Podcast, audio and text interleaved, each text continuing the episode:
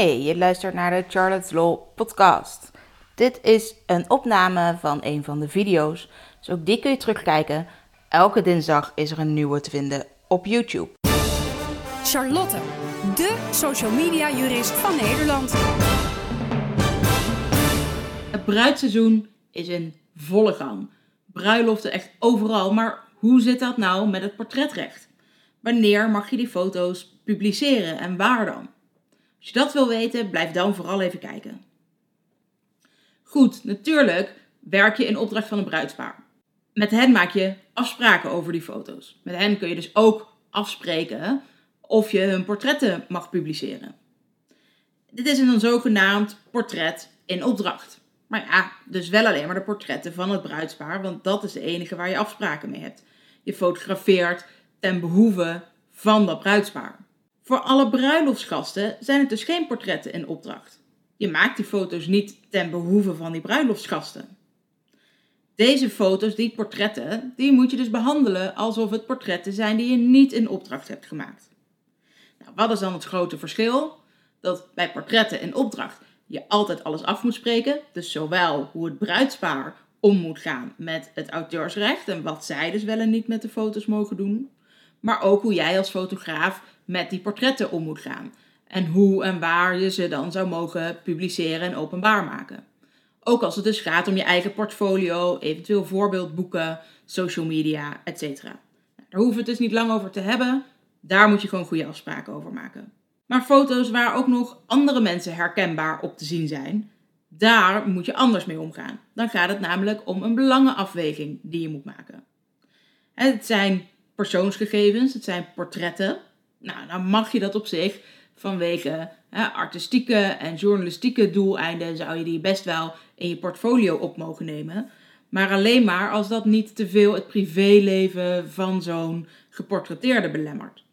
Nou, dat betekent dat je portfolio op je eigen website meestal niet zo'n probleem is. Social media, dat maakt het wat lastiger, vooral vanwege de voorwaarden van al die social media kanalen.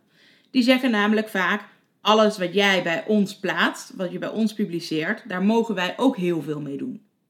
Nou, deels is dat heel logisch, omdat er nou eenmaal share-knoppen op zitten, uh, zodat het dus gedeeld kan worden door andere gebruikers. En je niet opeens wil dat allerlei functies belemmerd kunnen worden.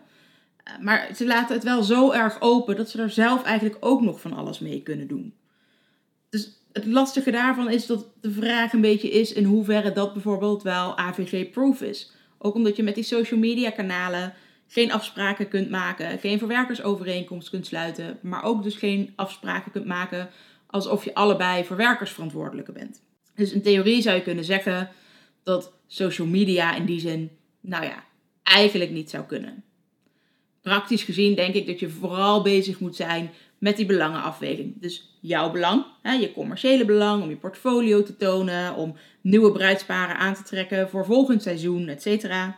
En het belang van de personen die op die foto te zien zijn, die herkenbaar op die foto staan. Nou, als het gewoon onschuldige foto's zijn, dan is daar eigenlijk heel vaak niet zoveel mee aan de hand. Dan kun je die best gewoon publiceren.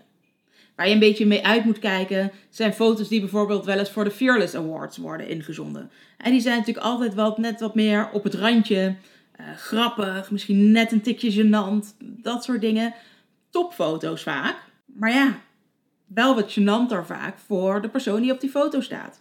Dus dan breek je iets meer in op dat privéleven van die persoon. Die wil waarschijnlijk helemaal niet op die manier bekend staan. Net zoals je beter geen foto's van dronken mensen uh, kunt publiceren. Of uh, dat je misschien ook toch uit moet kijken met, uh, nou ja, de vrouwen die zo'n bruid helpen om een jurk omhoog te houden terwijl ze naar het toilet moeten. nou ja, dat soort dingen. Mensen die misschien een handstand maken waardoor een jurkje wat naar beneden valt.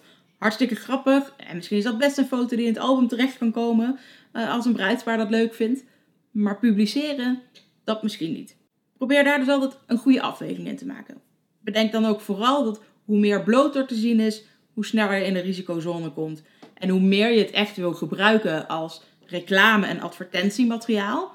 Dus niet zozeer voor je portfolio, maar alsof mensen echt achter jouw bedrijf staan en alsof het eruit ziet alsof ze daar toestemming voor hebben gegeven dat jij die foto zo gebruikt, dan kan de balans ook wat sneller uitslaan naar de persoon die op die foto staat. Mocht je nou meer vragen hebben over hoe je dit soort zaken nou goed kunt regelen, hoe je bijvoorbeeld goede afspraken kunt maken met dat bruidspaar, twijfel je of je een foto wel of niet zou kunnen publiceren, neem dan vooral contact met ons op. Bijvoorbeeld via Facebook Messenger, e-mail, telefoon of hoe jij maar wil.